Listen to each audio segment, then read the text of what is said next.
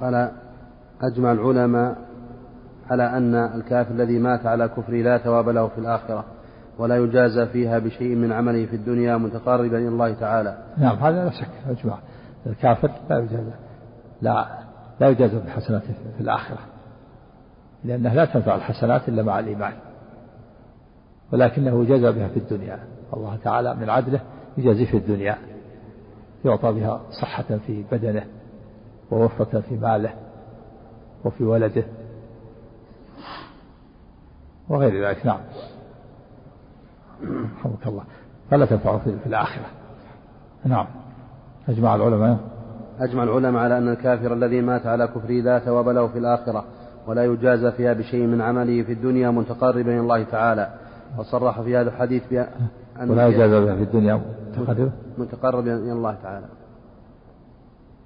كيف لا يجازى بها متقربا يعني لا يجازى بها جزاء المتقرب لأنه ما ما ينفعه التقرب إلى الله. لأنه ما ينفعه إلا مع الإخلاص. نعم. لكن هو قصده الكافر ما يكون متقرب إلى الله. نعم. إيه ما ما يكون متقرب. ما ما يعتبر متقرب إلى الله ما تنفع. نعم. وصرح في هذا الحديث بأن يطعم في الدنيا بما عمله من حسنات أي بما فعله متقربا به إلى الله تعالى. مما لا يفتقر صحته إلى النية. مما؟ لا يفتقر صحته إلى النية. كصلة الرحم والصدقة والعتق والضيافة وتسهيل الخيرات ونحوها. إيش قول أجمع العلماء؟ قول. أجمع العلماء على أن الكافر الذي مات على كفره لا ثواب له في الآخرة ولا يجازى فيها بشيء من عمله في الدنيا متقربا إلى الله تعالى. وصرح في هذا الحديث بأن يطعم في الدنيا بما عمله من الحسنات. أي بما فعله متقربا به إلى الله تعالى مما لا يفتقر صحته إلى النية كصلة الرحم والصدقة والعتق والضيافة وتسهيل الخيرات ونحوها. هذا ما يفتقر إلى النية لا في شيء ما يفتقر إلى النية؟ الأعمال تفتقر إلى النية. نعم. وأما المؤمن فيدخر له حسناته وثواب أعماله في الآخرة. هذا الكلام ما هو بسليم التفريق منها متقرب بها. فرق بين في بعض الأشياء متقرب وبعض الأشياء غير متقرب إلى الله في شيء تفتقر النية وفي شيء لا تفتقر النية. ولا تفتقر النية لكن الكافر لا نية له. نيته غير صحيحة. نعم. ما تصح إلا مع الإيمان. نعم. وأما المؤمن فيدخر له حسناته وثواب أعماله إلى الآخرة. ويجزى بها مع ذلك أيضا في الدنيا ولا مانع من جزائه بها في الدنيا والآخرة. وقد ورد الشرع به فيجب اعتقاده. قوله إن الله تعالى لا يظلم مؤمنا حسنة معناه لا يترك مجازاته بشيء من حسناته.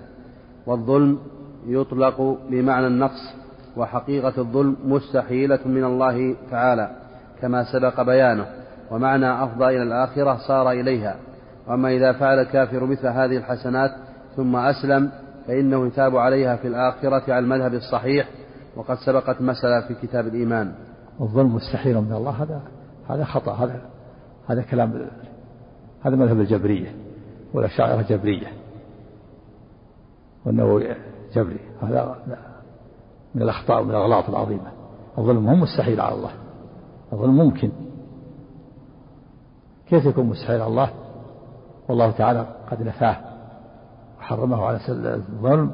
ممكن لكن الله حرمه على نفسه. ونفاه. فقال سبحانه وتعالى في الحديث القدسي يا عبادي إني حرمت الظلم على نفسي.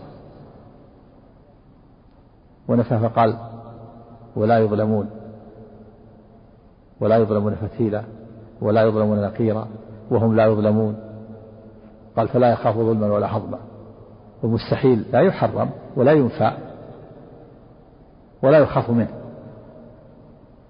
ينبغي الطالب أن يتنبه وأن يحذر. الأشاعرة جبرية. يرون الظلم مستحيل على الله. لأن لأنهم أخطأوا في تفسير الظلم.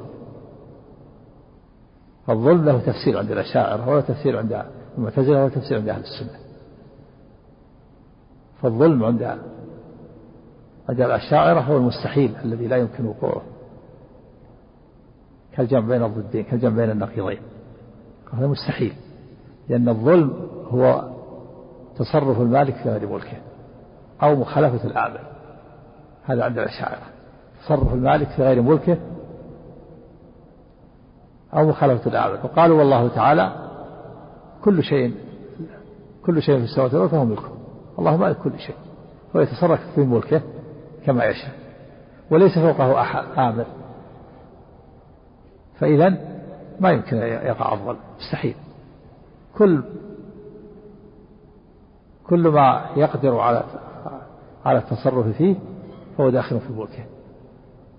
ومالك ما في السماوات وما في الأرض. وقالوا بناء على هذا التعريف يجوز على الله أن يقلب التشريعات والجزاءات. فيجوز أن يحرم التوحيد ويبيح الشرك. ويجوز أن يحرم ويبيح الزنا ويحرم العفة. وله أن يقلب التشريعات والجزاءات. وله أن يبطل حسنات الأبرار والمتقين والأنبياء ويحملهم أوزار الفجار والمشركين. ولا يكون ظلما لأنه تصرف في ملكه. والظلم تصرف المالك غير ملكه وهو يتصرف في ملكه. والعباد ملك لله. هذا هذا من أخبر الخطأ. ولذلك قال نوع الظلم مستحيل على الله. ما يقع. مستحيل مثل الجمع بين النقيضين. هل يمكن يجمع بين الحياة والموت في شيء واحد؟ قال حي ميت. هذا مستحيل. كذلك يقول الظلم مستحيل على الله. وأما المعتزلة فقالوا الظلم الظلم هو ما يكون الظلم الذي يقع يكون من الله مثل الظلم الذي يكون من المخلوق. ما كان ظلما وقبيحا من المخلوق فإنه يكون ظلما وقبيحا من الله لو فعله. فشبه الله بخلقه.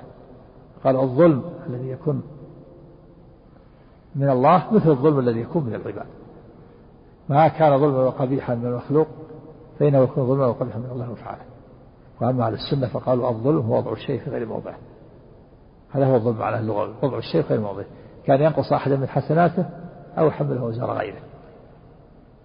وعلى ذلك فالظلم ممكن ليس مستحيل. الله قادر على الظلم لكن الله حرمه على نفسه. ونفاه. تنزها وتكرما منه سبحانه.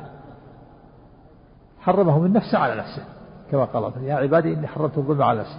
ولو كان مستحيل كما تقول الأشاعرة. كيف يحرم شيئا مستحيلا؟ هل المستحيل يحرم؟ الذي لا يمكن وقوعه يحرم لا يحرم. وهل المستحيل ينفع الله قال لا ظلم اليوم لا يظلمون فتيلا وهم لا يظلمون. فالمستحيل لا ينفع فلا يخاف ظلما ولا هضما. أمن الله العباد من أمنهم من الظلم. فلو كان الظلم مستحيل كيف يؤمن الإنسان بشيء مستحيل لا يمكن وقوعه؟ فلهذا قال نوع الظلم مستحيل على الله. مو مستحيل ممكن ممكن لكن الله حرمه على نفسه وتنزه عنه تكرم منه ونفاه ونفى الخوف منه. لا يخاف ظلما ولا هضما. فينبغي طالب يتنبه ويحذر. نعم. حدثنا أبو بكر بن أبي شيبة قال حدثنا عبد الأعلى عن معمر عن الزهري عن سعيد عن أبي هريرة رضي الله عنه قال قال رسول الله صلى الله عليه وسلم مثل المؤمن كمثل الزرع الزرع. لا تزال الريح تميله ولا يزال المؤمن يصيبه البلاء. ومثل المنافق كمثل شجرة الأرز.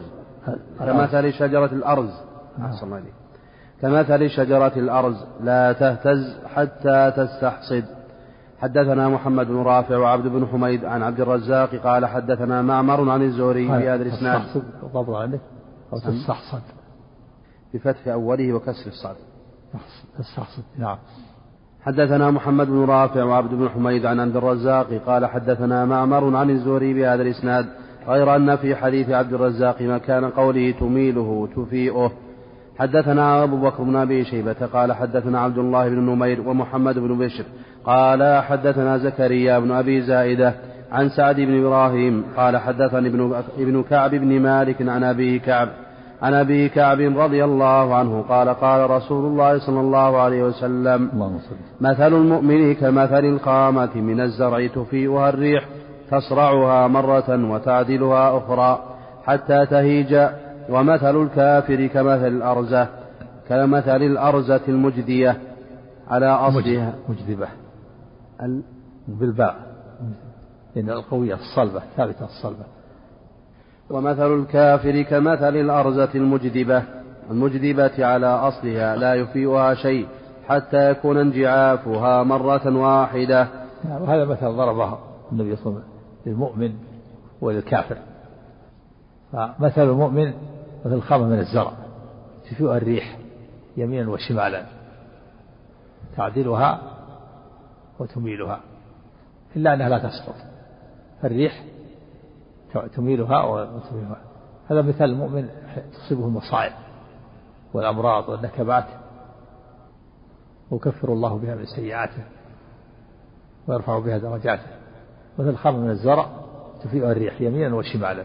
تعدلها و يعني تميل يمين وشمال تعدلها وتميلها ولكنها لا تسقط وأما الكافر فمثل مثل شجرة الأرزة وهي شجرة قوية صلبة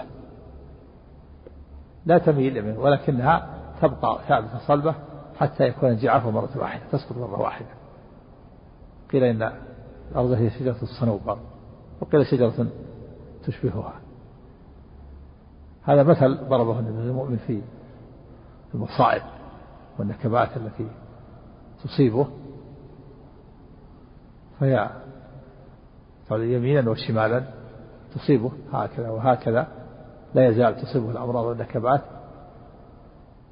حتى يكفر الله سيئاته ويرفع درجاته وأما الكافر فإنه كالشجرة الأرزة الصلبة الثابتة لا يكون انجعافها إلا مرة واحدة. والمثل الأمثال فيها فوائد. الإنسان ينتقل في المثل من المعنى من الأمر الحسي إلى الأمر المعنوي. الأمر الحسي خامة الزرع وشجرة الأرزة. هذا حسي أمر حسي تشاهده ينتقل الذهن من الأمر الحسي إلى الأمر المعنوي. ينتقل إلى المصائب والنكبات تصيب المؤمن. إلى المؤمن وينتقل إلى هنا إلى الكافر في كونه في الغالب. أنه يسلم من المصائب والنكبات حتى يهلك مرة حتى يهلك الله مرة واحدة. نعم. حدثني زهير بن حرب قال حدثنا بشر بن سري وعبد الرحمن بن مهدي قال حدثنا سفيان عن سعد بن إبراهيم عن عبد الرحمن بن كعب بن مالك عن أبيه رضي الله عنه قال قال رسول الله صلى الله عليه وسلم مثل المؤمن كمثل الخامة من الزرع تفيئها الرياح تصرعها مرة وتعدلها حتى تعدلها حتى يأتيه أجله. ومثل المنافق مثل الأرزة المجذبة التي لا يصيبها شيء حتى يكون انجعافها مرة واحدة. وحدثني محمد بن حاتم ومحمود بن غيلان قال حدثنا بشر بن السري قال حدثنا سفيان عن سعد بن إبراهيم عن عبد الله بن كعب بن مالك عن أبيه رضي الله عنه عن النبي صلى الله عليه وسلم غير أن محمودا قال في روايته عن بشر ومثل الكافر كمثل الأرزة وأما ابن حاتم فقال مثل المنافق كمثل كما قال زهير. وحدثنا محمد بن بشار وعبد الله بن هاشم قال حدثنا يحيى وهو القطان عن سفيان عن سعد بن إبراهيم قال ابن هاشم عن عبد الله بن كعب بن مالك عن أبيه رضي الله عنه وقال ابن بشار عن ابن كعب بن مالك عن أبيه عن النبي صلى الله عليه وسلم بنحو حديثهم وقالا جميعا في حديثهما عن يحيى ومثل الكافر مثل الأرزة. حدثنا يحيى بن أيوب وقتيبة بن سعيد وعلي بن حجر السعدي واللفظ ليحيى قالوا حدثنا إسماعيل يعنون ابن جعفر قال أخبرني عبد الله بن دينار أنه سمع عبد الله بن عمر أنه سمع عبد الله بن عمر رضي الله عنهما يقول قال رسول الله صلى الله عليه وسلم إن من الشجر شجرة لا يسقط ورقها وإن وإنها مثل المسلم فحدثوني ما هي. فوقع الناس في شجر البوادي. قال عبد الله وقع في نفسي أنها النخلة فاستحييت. ثم قال ثم قالوا حدثنا ما هي يا رسول الله؟ فقال هي النخلة. قال فذكرت ذلك لعمر. قال لأن تكون قلت هي النخلة. أحب إلي من كذا وكذا. حدثني محمد بن عبيد الغبري قال حدثنا حماد بن زيد قال حدثنا أيوب عن أبي عن أبي الخليل الضبعي عن مجاهد عن عن ابن عمر رضي الله عنهما.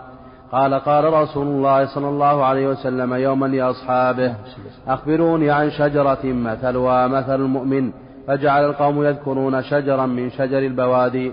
قال ابن عمر وألقي في نفسي أو روعي أنها النخلة فجعلت أريد أن أقولها فإذا أسنان القوم فأهاب فأهاب أن أتكلم. فإذا فإذا. فإذا أسنان القوم فأهاب. سم يعني أسنان القوم يعني فإذا قوم تقدم فيهم السن يعني أكبر مني نعم. فإذا أسنان القوم فأهاب أن أتكلم فلما سكتوا قال رسول الله صلى الله عليه وسلم هي النقلة حدثنا أبو بكر بن أبي هذا مثل آخر ضربه النبي صلى الله عليه وسلم أيضا للمؤمن في نفعه وكثرة خيره وبره للنخلة في كثرة خيراتها ونفعها. فإن المؤمن ضرب له مثلا بالنخلة فالنخلة كلها مفيد. شحمها اللي هو الجمار وليفها وكربها وعسبها وجذعها حتى شوكها وخوصها وحتى النوى وتمرها والنوى اللي في التمر كلها مفيد. ليس هناك شيء ضائع. كل شيء مفيد. كل شيء يستفاد منه. الجذع جذع النخلة يجعل سواري والعسب يجعل في كذلك يجعل في السقوف والخوص ينسج منه فرش وكذلك الشوك والليف والتمر مفيد. الغذاء وحتى النوى أيضا يستفاد منه ويدق وهي خضراء طول الوقت ما تيبس صيفا وشتاء وربيعا وخريفا بخلاف الأشجار اللي تيبس فهي كل ما فيها مفيد. فمثله مثل المؤمن. المؤمن كذلك نافع ومفيد وناصح لعباد الله في حياته وبعد مماته كما في قصة ياسين صاحب ياسين أنه نصح حتى بعد وفاته قال يا ليت قومي يعلمون بعد ما قتل بما غفر لربي وجعلني من المكرمين. فكذلك المؤمن يتعدى نفعه وخيره إلى الآخرين إذا كان مباركا وناصحا ونافعا. وفيه إلقاء العالم على أصحاب المسألة ليختبر ما عندهم قال إن شجرة مثلا مثل المحدثون ما هي؟ فوقع الناس في شجر البوادي. قال ابن عمر وقي في روعي روعي بالضم يعني القلب. أما الروع بالخوف بالفتح فهو الخوف. من قوة فلما ذهب عن إبراهيم الروع. ألقي في روعي في قلبي أنها النخلة. فسكت لأنه رأى أسنان القوم رأى الصحابة أكبر منه وأصغرهم. فقال النبي صلى الله عليه وسلم قال عمر لو قلت إن النخلة كان أحب إلي من كذا وكذا فيه فرح الإنسان بإجابة ابنه. وهذا عمر أنه لو قال ذلك دعا له النبي صلى الله عليه وسلم وظهرت إجابته. نعم. ينبغي الإنسان إذا كان في مجلس العلم وسئل عن مسألة أو طلب مسألة لا يحقر الإنسان نفسه ولو كان صغير السن. إذا كان عنده شيء من العلم يتكلم. قد يكون العلم مع العلم شاع. نعم.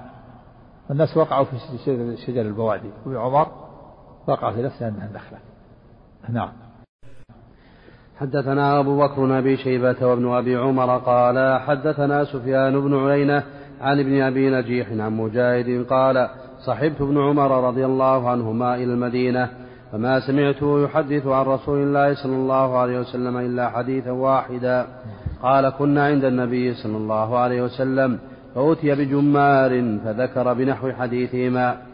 وحدثنا ابن نبير قال الجمار هو شحم النخل معروف. وكان ابن عمر لما أتي بجمار قال إن شجرة مثلها مثل حدثنا ما هي. فاستدل ابن عمر بالجمار على أنها النخلة. لما أتي بالجمار قال إن شجرة مثلا مثلا حدثنا ما هي استدل ابن عمر على على من الجمار على أنها هي النخلة نعم.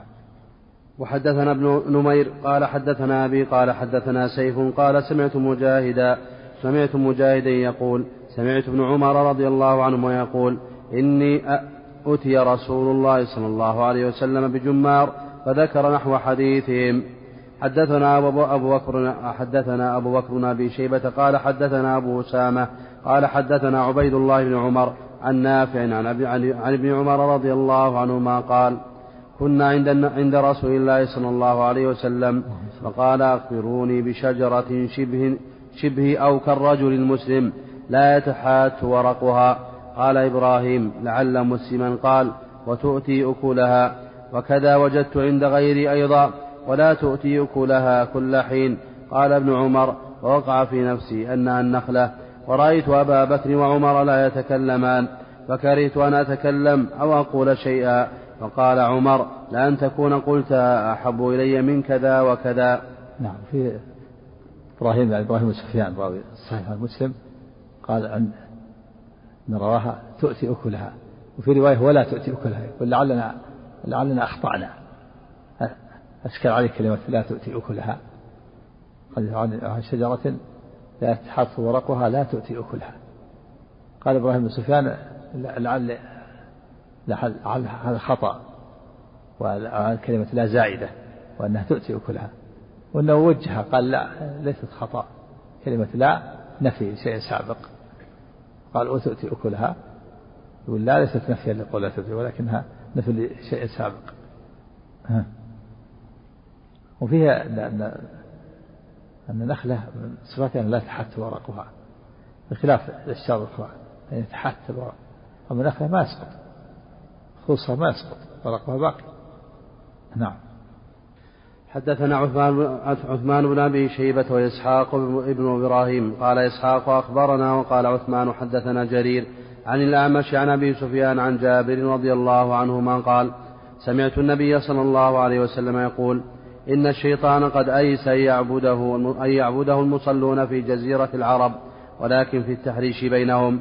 حد وحدثناه أبو بكر بن أبي شيبة قال حدثنا وكيع حاء وحدثنا أبو كريم قال حدثنا أبو معاوية كلاهما عن الأعمش بهذا الإسناد. حدثنا عثمان بن أبي شيبة وإسحاق بن إبراهيم قال إسحاق أخبرنا وقال عثمان حدثنا جرير عن الأعمش عن أبي سفيان عن جابر رضي الله عنهما قال سمعت النبي صلى الله عليه وسلم يقول إن عرش إبليس على البحر فيبعث سراياه فيفتتنون الناس. وقول قولها شو كلام إبراهيم بن سفيان؟ قال تؤتي أكلها قال إبراهيم لعل مسلما قال وتؤتي وكذا وجدت عند غير أيضا ولا تؤتي أكلها كل حين. معنى هذا أنه وقع في رواية إبراهيم بن سفيان صاحب مسلم ورواية غيره أيضا من مسلم. لا يتحات ورقها ولا تؤتي أكلها كل حين.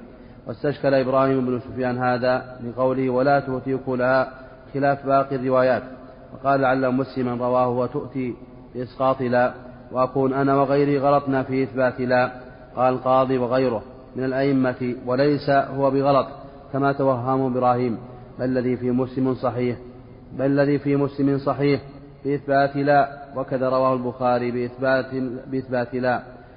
ووجهه أن لفظة لا ليست متعلقة بتؤتي بل متعلقة بمحذوف تقديره لا يتحات لا يتحات ورقها ولا مكرر أي لا يصيبها كذا نعم. ولا كذا. لا يتحات ورقها ولا يعني ولا كذا ولا ولا ثم قال تؤتي أكلها.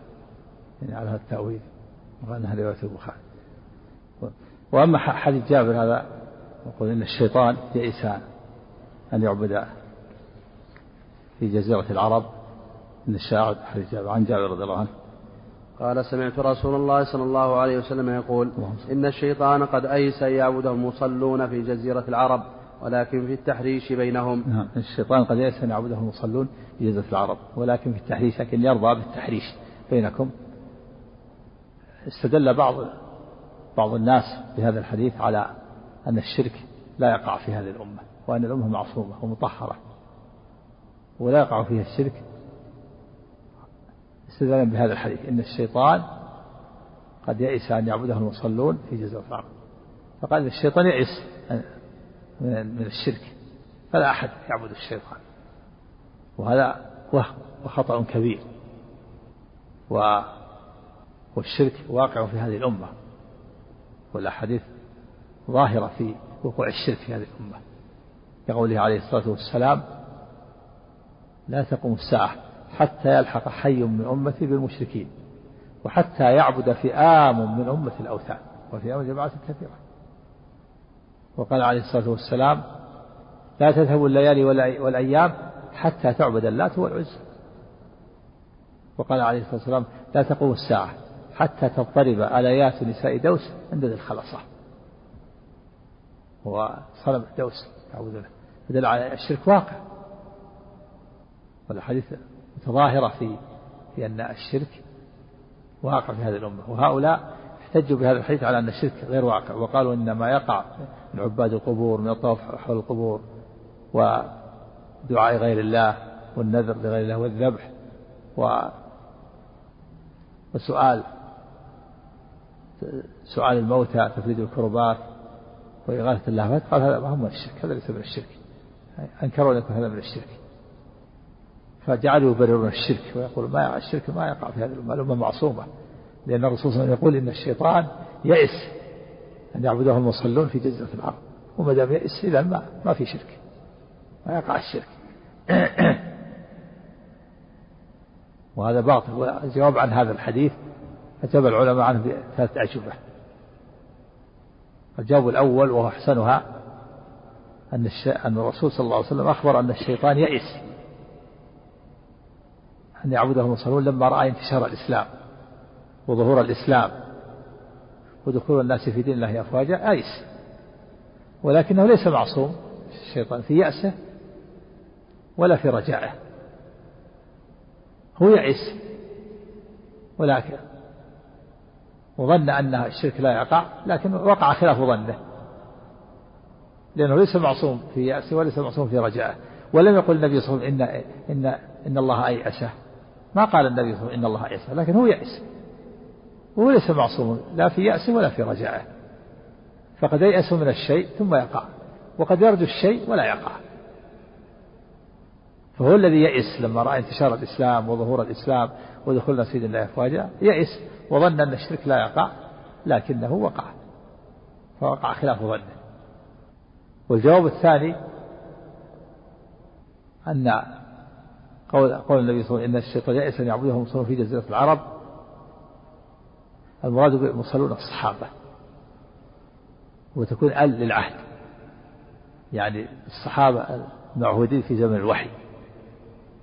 يئس أن يعبده المصلون في جزيرة العرب. الصحابة الذين رسخ الإيمان في قلوبهم وثبت الإيمان في قلوبهم يئس من أن يقع منهم الشرك.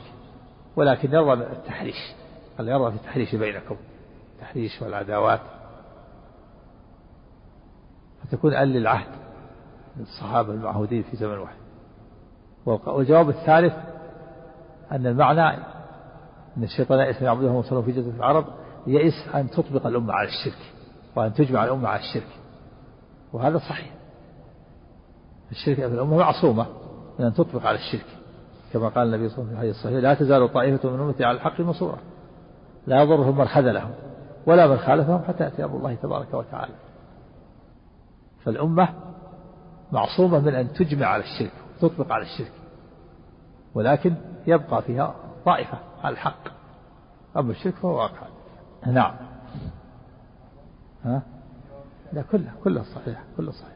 الجواب الأول أحسنها إيش قال النووي على قول يئس هذا الحديث من معجزات النبوة. وقد سبق بيان جزيرة العرب ومعناه أيس أن يعبد أن يعبده أهل الجزيرة أهل جزيرة العرب. نعم. ولكنه سعى في التحريش بينهم بالخصومات والشحناء والحروب والفتن ونحوها. نعم يعني يرضى يرضى بالتحريش والخصومات والنزاع والشقاق وأكل المال بالباطل. إذا عجز عن الشرك يكتفي بالمعاصي. نعم كمل. وقال عثمان حدثنا كما كما انتهى كلام النووي انتهى إيش قال؟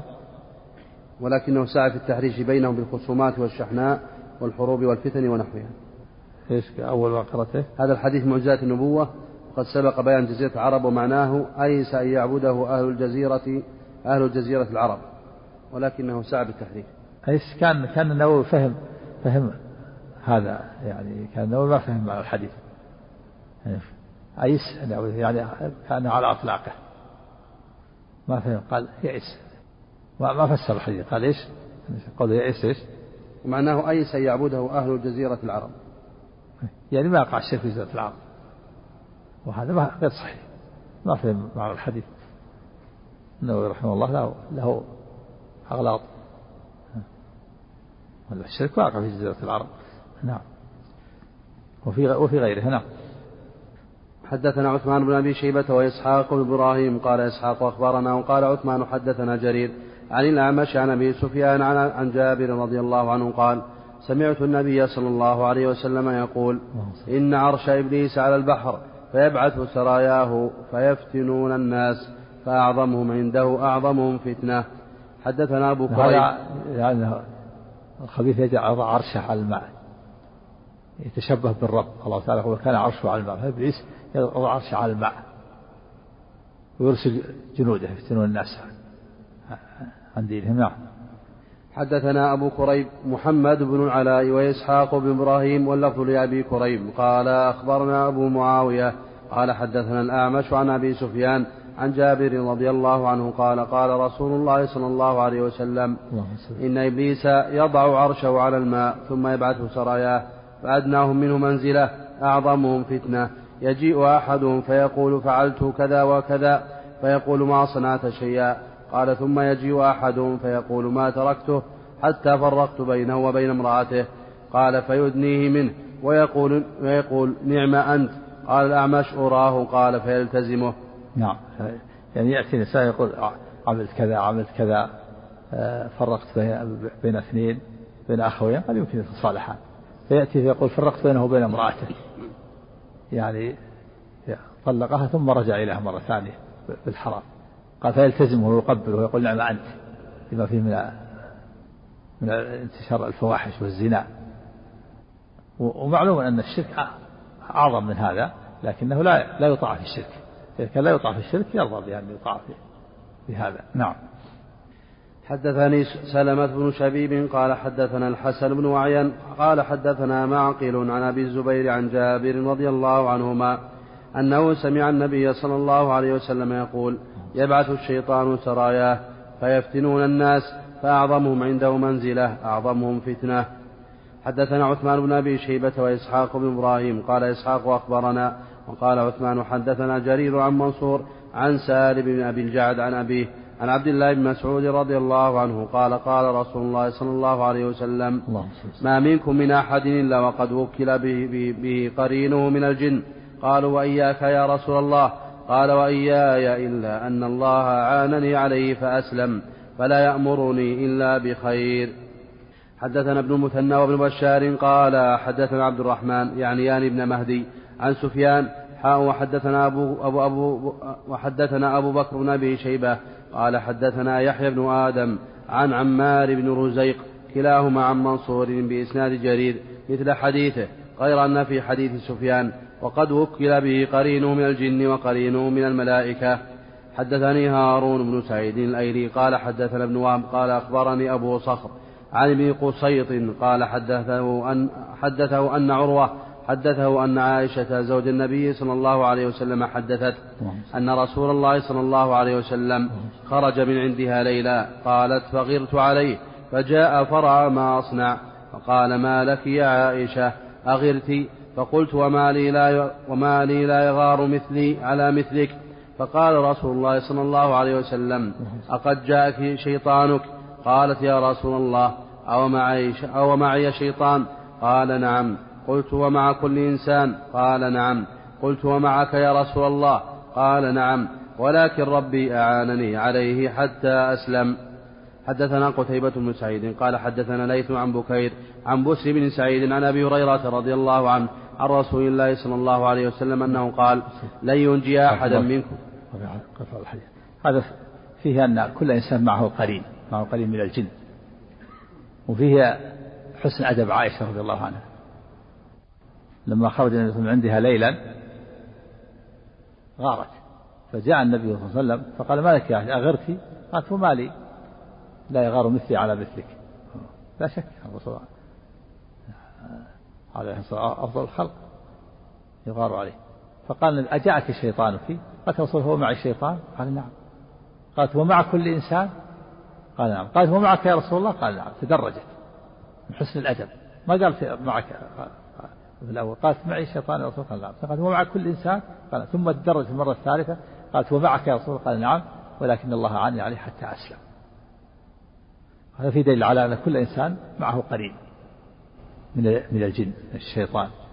والشيطان ومعه قرين من الملائكة كما في الحديث الأول. كل معه قرين. قرين من الملائكة قرين من الجن. وفي الحديث إن للشيطان لمة وللملك لمة. فلمة الشيطان إعادة بالشر. وتسوير له ولمة الملك إعادة بالخير. في دليل على أن كل إنسان معه قرين حتى النبي صلى الله عليه وسلم قال النبي ولكن الله على عليه فأسلم. رؤية فأسلم بروايتين رواية الأولى فأسلموا بضم الميم والرواية الثانية رواية فأسلم بفتح الميم. أما رواية أخرى فأسلموا تقديرها فأنا أسلم من شره وفتنته ولكن الله عليه فأسلموا يعني فأسلموا من شره وفتنته ولكن الله عليه فأسلم فلا يأمرون إلا بخير. والرواية الثانية فأسلم ولها وجهان. الوجه الأول المعنى فأسلم يعني صار مسلما ودخل في الإسلام. وهذا هو الظاهر. وهو ظاهر رواية حديث عائشة قال ولكن الله عليه حتى أسلم. يعني حتى أسلم الشيطان. والوجه الثاني أن المعنى فأسلم يعني استسلم وانقاد. استسلم وانقاد فلا أمر إلا بخير وإن كان كافرا. بعضهم قال إن الشيطان لا لا لا يسلم. والظاهر أنه فأسلم يعني أنه دخل في الإسلام. ظاهر حديث عائشة ولكن الله عليه فأسلم يعني حتى أسلم. ولكن الله عليه يعني حتى أسلم. ظاهر أنه دخل في الإسلام. قالت ومعك يا رسول الله؟ قال نعم. ولكن الله أعان عليه حتى أسلم. الأولى فأسلم. هنا حتى أسلم أن المراد دخل في الإسلام وصار مؤمنا. نعم.